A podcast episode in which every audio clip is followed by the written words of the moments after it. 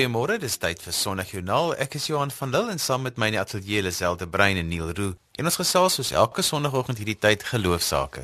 Goeiemôre ook van my. Ons hou jou geselskap vir die volgende 40 minute, so trek jou drinkgoed nader of sorg dat jy warm is, want ons het 'n program propvol gaste wat hulle stories met ons deel. Ons gesels vanoggend met mense wat ver van die huis af gaan werk het, maar ons hoor ook wat gebeur hier op ons voorstoep. Dr Gerard Olivier vertel van sy werk met die Makua Shirima stam in Mosambiek en Gerard vertel van sy werk in Suidoos-Asië. Die wêreld fokus môre op dwelmafhanklikheid en ons gesels met pastorale terapeut Dominee Pieter Ninaber oor die onderwerp. Om die program mee af te sluit het ons gemeenskapsjoernalis Gilma Stander saam met Quentin Adams in die gemeenskap gaan kuier waar hulle besig is om shacks te herbou na die groot storm hier in Kaapstad.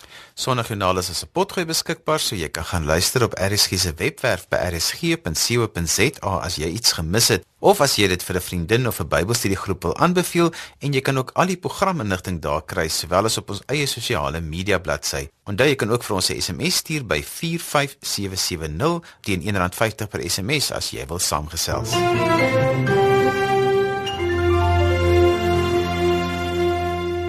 Dr Gerard Olivier is 'n man met 'n interessante werk in Mosambiek en hy gesels vanoggend met ons oor sy geloofspad. Goeiemôre Dr Olivier. Goeiemôre. Die Bybel in die taal van die Makua Shirima stam hou jou nog 'n rukkie besig. Hoe het jy by die werk betrokke geraak? Ek is bevestig in 'n gemeente so in 1991 en ons het van die begin af gevoel hier in Bordesbet saam met ander gemeente dat ons betrokke wil raak in die noorde van Mosambiek. Dit was op daai stadium aan die einde van uh, baie lang verskriklike hartseer uh, burgeroorlog in Mosambiek. En die noorde was veral geslote en dit begin oper gaan en so om 'n lang storie kort te maak, ons uh, gemeente en die ander gemeente saam het toe nou gaan daar bo rond kyk met 'n klein vliegtuig hier rond gevlieg. En uh, op daai rond kyk het my kollega wat in die ander gemeente op Bordeswet was, beleef vir die Here met hom praat om daar te gaan werk. Ons twee gemeentes het saam vir uh, Dominee Fritz van der Merwe gestuur na Noord-Mosambiek, aanvanklik na 'n plek met die naam van Kwamba wat 'n groter sentrum sentrum is. En 2, 3 jaar later is dit nou regtig uh diep in die bos in as ek dit so kan sê wat uh ons daar 'n sendingstasie gaan vestig het in 'n uh, plek met die naam van Moapula wat jy op muntkaarte gaan kry. Intussen het ek self met my nagraadse studies baie betrokke geraak met vertaalkunde en vertaalwetenskap en so aan en die Here al meer met my begin praat oor Bybelvertaling en oor hoe meer ek gekyk het na die wêreldsituasie in terme van nood, hoe meer dit maar net vir my elke keer opgeval die uh, tekort aan Bybels of by Bybel in 'n moedertaal en so uiteindelik het uh, Fritz vir my gevra of ek nie wil berou oor om die Bybel te kom vertaal. Hy is 'n kerkplanter en hy doen 'n klomp ander goeders ook, maar uh, hy's nie 'n Bybelvertaler nie. So ons het daaroor gebid en ek en my gesin, daai stadium ons het nog net my nog net 'n dogtertjie van 3, 4 jaar oud, my vrou en uh, ons is Australië toe saam met uh, Wycliffe vir verdere opleiding en toe het ons in 1998 uh ook daarso ons 'n bietjie gaan bly. So dit is nou die beginjare gewees. Dan begin jy met Portugees aanleer en daarna die baie moeilike Makua. Uh daar bestaan nie hulpmiddels regtig wat jy kan gebruik vir Makua Cherimani uh hier en daar, maar dit is baie die kraak. So ons moes maar 'n sistematiese benadering hê, jou eie soort van skryfwyse skep en al die soort van goeters. En uh met die verloop van tyd het ons 'n spannetjie opgebou van inheemse ouens, Makuas wat ook uh my gehelp het met die vertaling. So na 8 jaar kon ons dan nou die nuwe testament klaarmaak en uh, dit is so lank ek daar gebly het fisies in Moapula. Verduidelik net eers vir ons vir iemand wat nou nie die roeping het nie. Hoe gaan bly jy op 'n plekkie waar daar niks is, waar dit baie klein is, waar dit afgesonder is, waar jy nie het wat jy aan hierdie kant het nie. Wat is die aanpassings? Wel, ja, daar is daar's geen einde omtrent aan die aanpassings. Ek dink as ek net 'n stapie terug moet gee want ek het baie uh baie vinnig dit net so suidelings opgemerk. Maar ek dink 'n mens moet ongelooflik seker maak dit is die roeping van die Here. Ek en my vrou in ons geval alhoewel ons altyd so gevoel het het besluit om uh om 6 maande in eers met mekaar daaroor te praat en net apart te bid as ek dit so in aanlangs teken. Natuurlik saam ook, maar ons het 'n lang pad daarvan gemaak. Ons het in begin 95 al begin die belewenis wat die Here met ons praat oor weggaan na so onbereik. Ons het dit genoem 'n onbereikte taal. En uh ons is eers aan die einde van 96 weg. So dit gee vir jou 'n idee dat ek dink dit is verskriklik gevaarlik om oorhaastig hoe goed en hoe eerlik dit ook mag geklink, weet jy, wêreldsending gaan werk gaan doen. Dis baie baie gevaarlik om dit oorhaastig te doen. So ons het nie dit in dit ingeduik nie.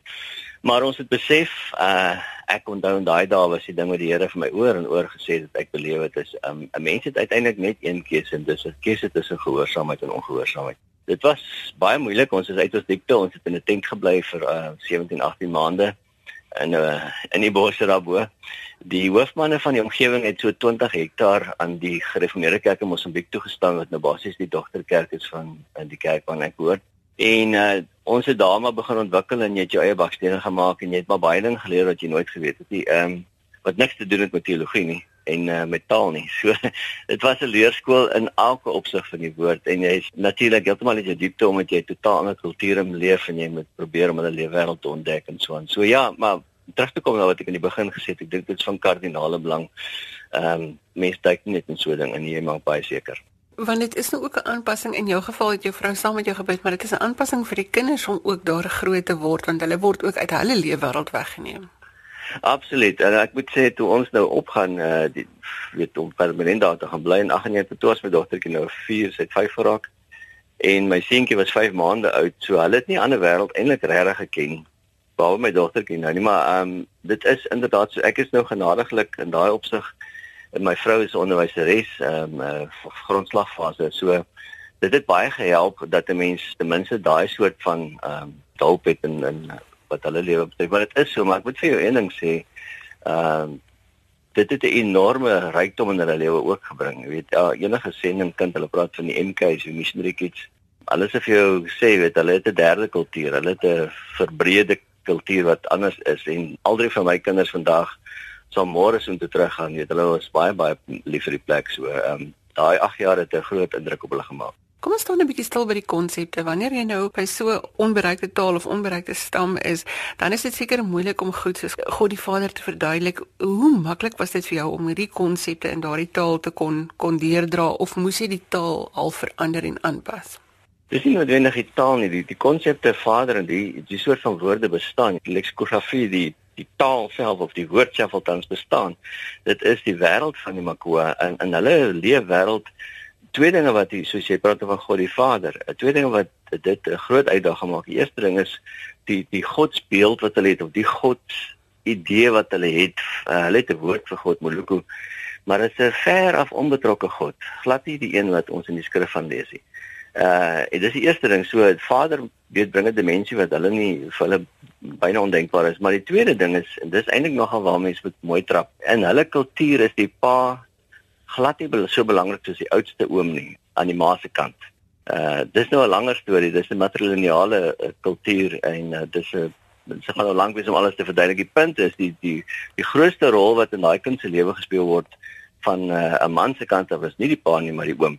So moet jy dan nou sê ons oom wat in die hemel is of moet jy sê ons vader wat in die hemel is? Die woorde is maklik om vader en oom te gebruik, maar weet watter interpretasie roep jy op by 'n persoon as jy daai woorde gebruik? So ekskuus, dis nie praat nou lank, maar dit is nie die woorde pa of oom of so wat moeilik is om te kry nie. Dit is wat 'n assosiasie daarmee gekoppel word.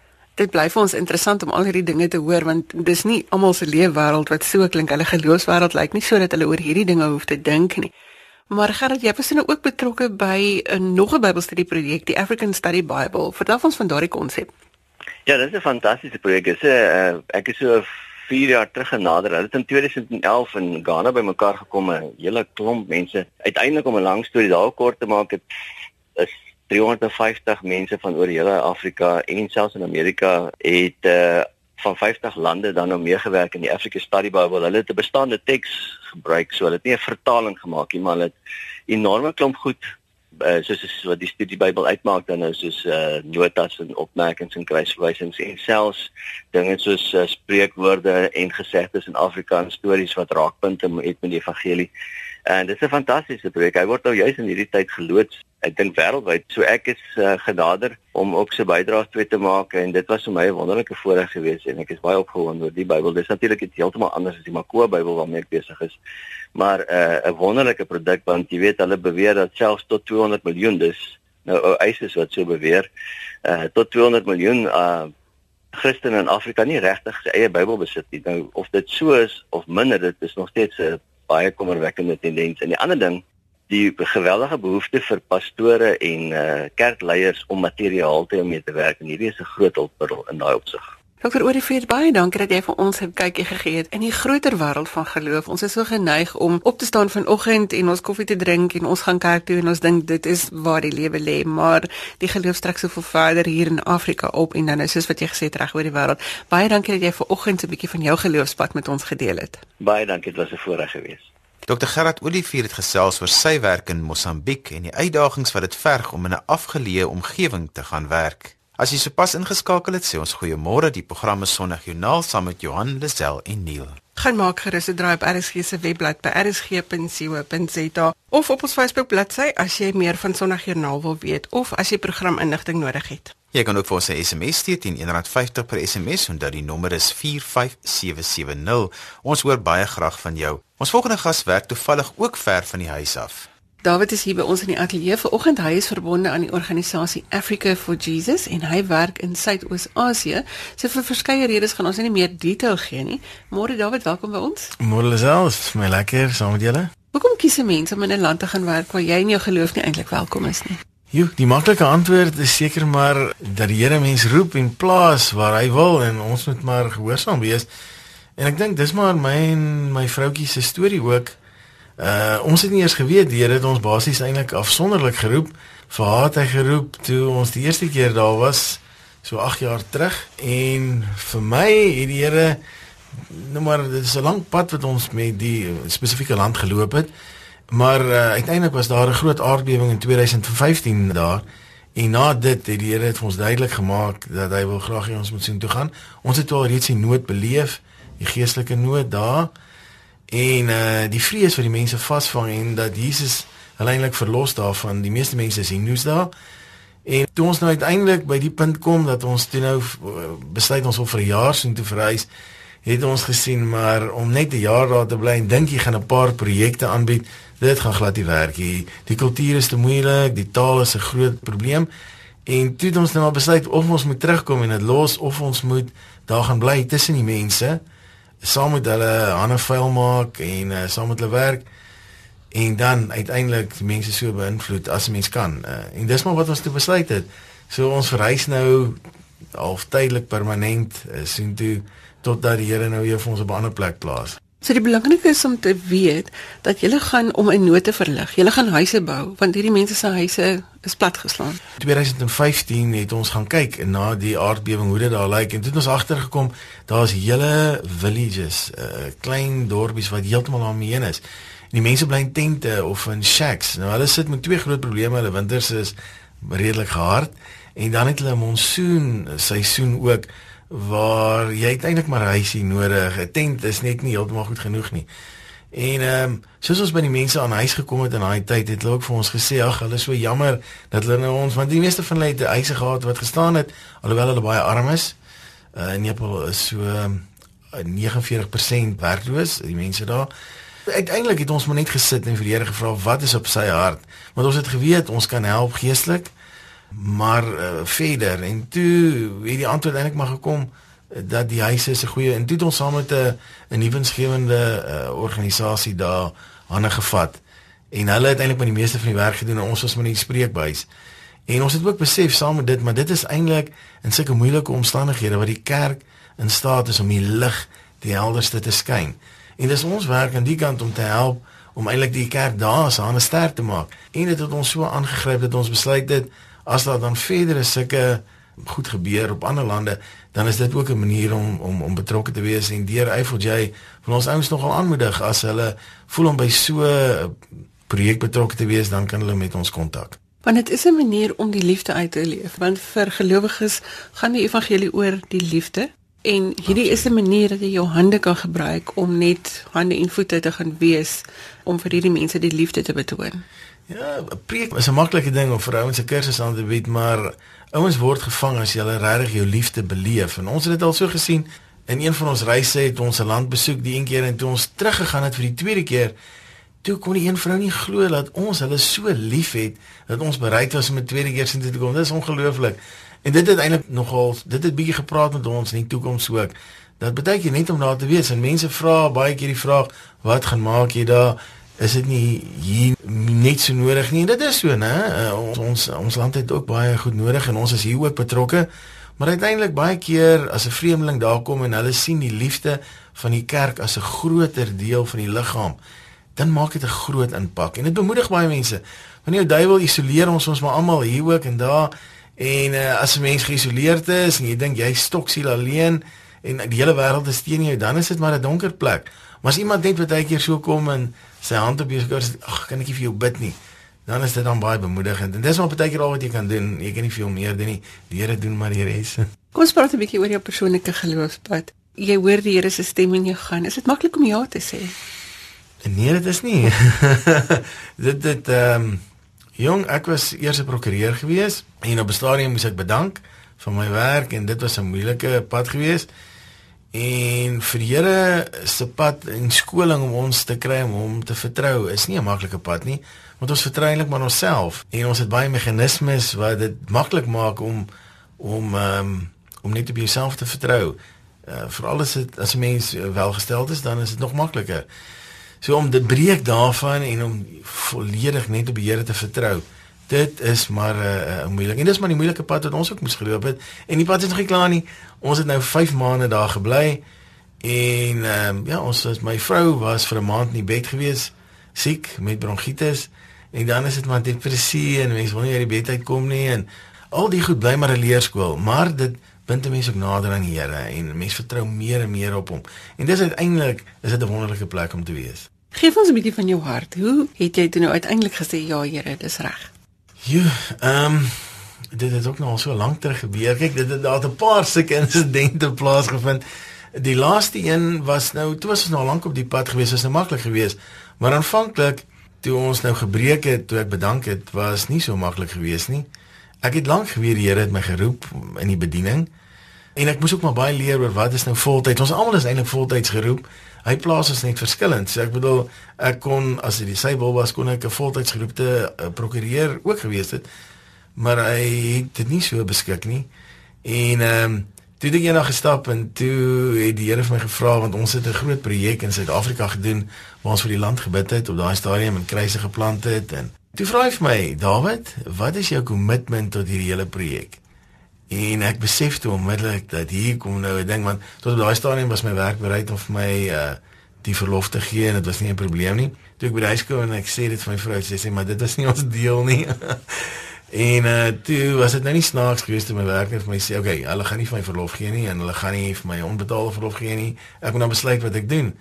En toe was ons nou ook gedruk met al die beplanning was klaar gedoen en ons moes nou besluit wat gaan ons doen.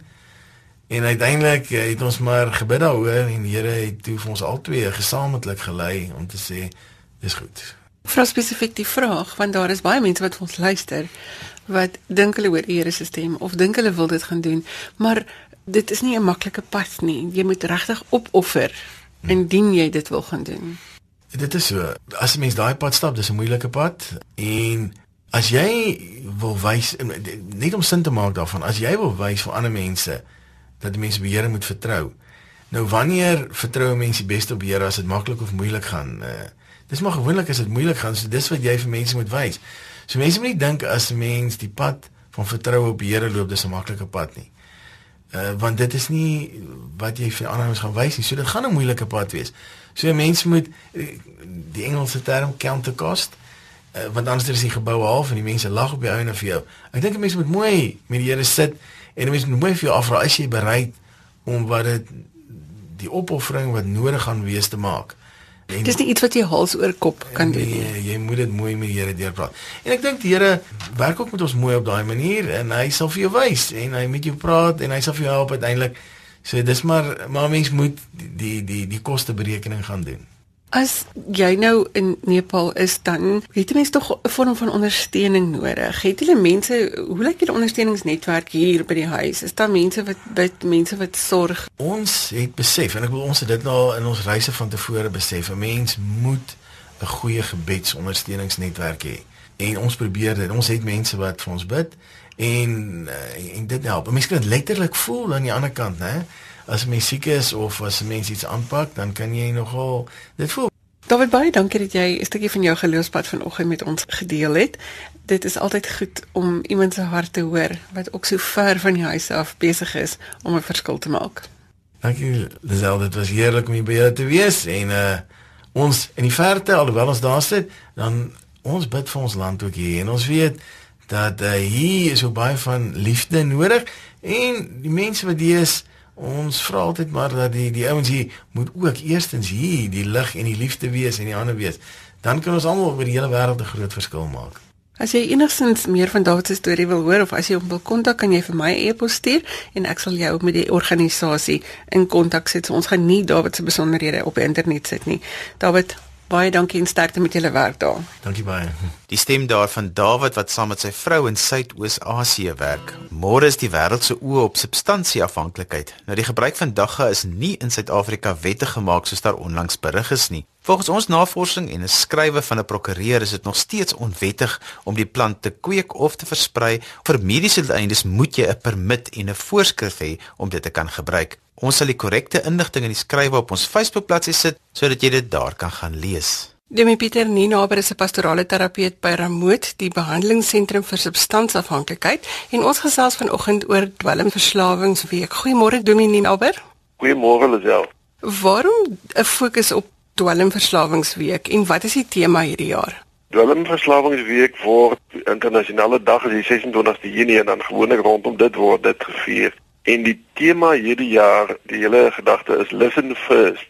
Nou die gedagte is dat mense en gemeenskappe sal luister na die verslaafde en die hele problematiek rondom dit. Dat hulle meeste weet sal kom oor wat aan die gebeur is, nê. Nee.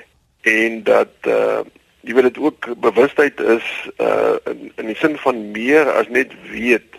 Baie mense weet iets daarvan, maar dat jy regtig bewus raak en ook in 'n sekere sin betrokke kan raak of dan nou miskien meer ingeligte uh, antwoorde kan gee veral dan ook om te weet waar daar hulp verkry kan word. So die hele ding is dat dit miskien minder ver, veroordelend is vir mense is baie keer so so maklik om te veroordeel of om dit af te skryf as iets wat gelukkig vir jou nie raak nie terwyl ons weet dit is nie so nie. Waarvan praat ons as ons praat van verslawing? Daar's 'n paar aspekte wat ek miskien kan noem en die een is dat dit nou baie keer beskou word veral uit van die mediese modelle as 'n as 'n siekte van die brein wat vergelykbaar kan wees met iets soos depressie of angsstoornisse en so voort waar daar nou sekere fisiologiese veranderinge in die werking van die brein en die oordraagsel plaasvind en wat dan nou later permanent van aard raak. Jy weet en dan veroorsaak dat die persoon al weet hy dat dit nadelig is vir hom of vir ander mense om hom dat dit selfs krimineel van aard kan wees of selfs hy dood kan veroorsaak nogtans nie beheer daaroor het nie en, en dat hy dan nogtans die substansie gebruik of ook die verslawingsaksies soos dobbel en sulke dinge kan uitvoer. Die behoefte wat wat die wat die persoon met tyd ontwikkel, raak later aan al meer oorheersend en wat word dan verander dan in 'n obsessie. Nou vir my belangrik is dat 'n mens eintlik doodgewoon dit dit uh, moet gaan kyk na die hele kwessie van beheer. En ons wil sommer in 'n kort uh, definisie sê dat verslawing eintlik beheer verlies is. Die proses is 'n proses van toenemende verlies van beheer oor jy weet die gebruik van alkohol, dwelms en aksies wat die persoon uitvoer. Eetsteurnisse, sulke tipe van dinge. Daar's eintlik verskriklik baie daarvan. Wat eintlik beteken dat die persoon, jy weet wanneer hy dan nou begin gebruik alkohol of dwelms of so onder dat hy op daai oomblik geen beheer meer het oor die gebruik of die stop daarvan nie. Die persoon begin drink en waar die ander een 'n ander persoon dalk sê goed net twee biere vanaand of jy weet 'n glasie wyn en 'n half of so het die persoon geen beheer. Hy kan nie ophou net totdat hy heeltemal jy weet oorboord gaan of daar's net die einde daaraan nie. So die hele kwessie van wat beheer verlies beteken die persoon kan nie meer sogenaamd normaal sien nou maar alkohol gebruik of uh aksies uitvoer soos ander mense nie. En wat eintlik dan beteken die persoon het magteloos. Uh, die 12 stappe praat ook van powerless, magteloos geword oor die gebruik of die aksie. En dan nou dan, kom die hele gedagte van die slaaf uit 'n slaaf geword af. So dit gaan in 'n groot mate oor hierdie beheerverlies. Nou daarmee saamgaan dinge soos ontkenning eh, wat 'n groot probleem eintlik ook is dat mense, jy weet die die effek, die diepte, die omvang, die skade wat aangerig word, ek dinge nie altyd wil erken nie. Maar daar's 'n groot gedeelte van die brein wat nog wil gebruik. Daar's 'n groot gedeelte van weet wat nie wil aanstaan doen daar nie. Dink jy eers as die skade of die pyn so erg is dat hy hy of dan nou jy weet mense om hom nie anders kan nie dat hy dan begin besef maar iets moet gedoen word dan en dan met ter tyd die effek of die negatiewe impak daarvan besef. Daar's 'n groot deel van hierdie uh jy weet hierdie proses wat in die onderbewussyn plaasvind. Iemand het gesê verslawing is die een siekte waarvan die leier daaraan glad bewus is nie. So uh, dit is 'n groot ding, jy weet so dis 'n dis 'n uh, daar's 'n groot stuk uh, insig in homself en in die effek van van die of die impak wat dit veroorsaak. En baie mense of baie van hulle kom gelukkig daartoe. Sommige vat baie lank en dien dalk nooit om regtig daai uh, jy weet insig te kry nie.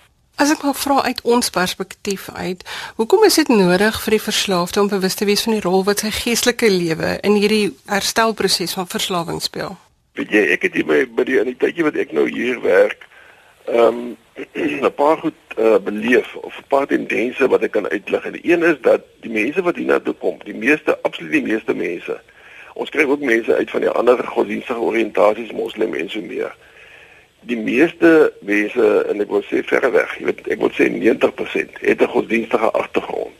Selfs die wat hulle self nou as ongelowig of nie godsdienstig of ook al beskou, iewers is daar 'n godsdienstige agtergrond. Die ander tendens is dat daarby regtig by die groot oorgrootste meerderheid mense ook 'n behoefte is aan geestelike groei, jy weet om weer geestelik te connect soos hulle soms sal sê.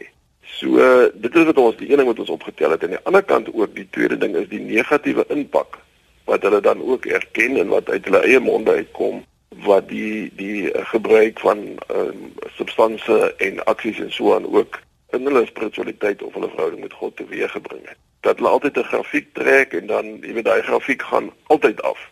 Dit's bitter min wie se 'n wat dit reg verstaan wie se 'n op is. Dis in die grafiek van hulle weet die geestelike uh, pad wat hulle geloop het en veral vanaf uh, hulle begin het met die middels of die verslawende aksies en dinge gaan daai geloof by grafiek net eenvoudig af en dit veroorsaak nou 'n klomp skuldgevoelens en 'n klomp ehm um, jy weet twyfel by hulle hoop en sulke dinge. Hulle kan amper nie meer glo dat God regtig kan vergewe dat hy hulle liefhet en sulke dinge nie. So daar's 'n groot klomp ehm um, herstelwerk wat in daai opsig moet plaasvind. En natuurlik dan nou verder ook is is uh, deel van die tendens is dat daar by ook weer by die groot oorgrootste meerderheid 'n um, geloof is of 'n besef is of 'n vermoede is hoe mense dit ook al wil stel dat daar 'n geestelike ingreep nodig is. Hulle sê ek kan nie sonder God of sonder my geloof hierdie ding aanpak en hierdie ding doen nie. So ons het net eenvoudig ervaar, ons is van die min sentrums waar daar regtig geestelike programme is, baie doen dit nie. Uh, ons het net eenvoudig dit ervaar dat daar behoeftes, soos ek sê, is by die oorgrootste meerderheid van die pasiënte wat hier na toe kom. Hoe werk julle program? Ons het 'n uh, wat ons nou noem 'n holistiese program waar daar aandag uh, gegee word aan die uh, mediese deel. Hulle gaan deur 'n onttrekkingsperiode, die detox tyd en dan uh ongeveer jy weet so 'n gedeelte van 'n week of so. So hulle word ook deurentyd medies gemonitor En dan het ons 'n sielkundige wat na die emosionele sielkundige gedeelte kyk. Ons het uh, maatskaplike werkers wat na die sosiale, die huislike omstandighede sulke dinge kyk en ons het 'n biokinetikus wat hulle lus en vermoë om te oefen en die en die vreugde wat mense daai kan put vir hulle ook aanwakker. En dan natuurlik na die geestelike deel ook. So ons probeer dat die hele totale mens kyk, jy weet, hy's liggaam, siel, gees, alles ook so en wat ons betref is dit is dit baie baie effektief en die terugvoer wat hulle vir ons gee, evaluering wat hulle vir ons gee, kry ons regtig goeie terugvoer oor die gehalte van die program en wat dit vir hulle alles beteken. Ek dink ons moet weer op 'n volgende onderhoud miskien gesels oor die 12 stappe wat so alom bekend is en die waarde daarvan. Maar vir eers moet ons groet baie dankie Dominee Naber vir al die inligting wat u vanoggend vir ons deurgegee het. Dankie hoor. Interessante feite daarvan doen die Pieter Ninaber. Ons het almal gehoor van die vure in Nysna en die land het gemobiliseer om daar hulp te verleen. Maar Kaapstad is dieselfde deur 'n ewige storm getuister wat baie mense se huise of weggespoel het of heeltemal deur die wind verskeur het. Gilma Stander het saam met sielkundige Quentin Adams gaan ondersoek instel hoe die gemeenskap weer hulle koppe optel. Vroegoggend hier op Freedom Farm 'n muurnes van bedrywighede en ek gesels met Quentin Adams, 'n sielkundige wat jare lank al betrokke is in plakkerskampe. Quentin, wanneer ons kyk na 'n plakkerskamp, mense ry so verby om mense het hulle opinies van buite af. Dis nie net 'n klomp strukture nie, daar's mense wat daar bly en daar's omstandighede by betrokke.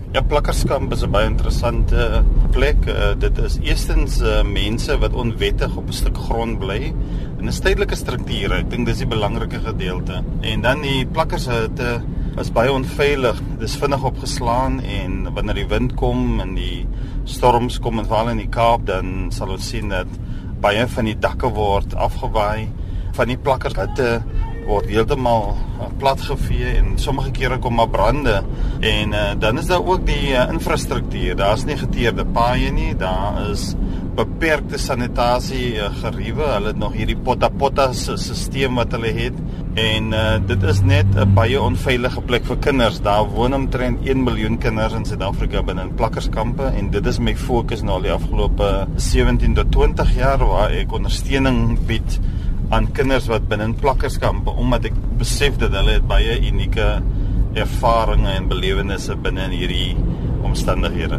So baie kinders in 'n plakkerskamp. Dis 'n volgende generasie wat nie iets anders het en ken behalwe dit nie. Ja, ek dink ons vergeet altyd dit. Ons vergeet ook dat baie van hierdie kinders uh as hulle nie goeie stimulasie en kognitiewe ontwikkelings uh, geleenthede kry nie, dan gaan dit beslis hulle hulle brein affekteer en wanneer die brein geaffekteer is dan beteken dit dit gaan hulle akademiese prestasie en hulle toekoms op skole gaan beslis beïnvloed. Ons sien baie vertraagde groei of stunted growth.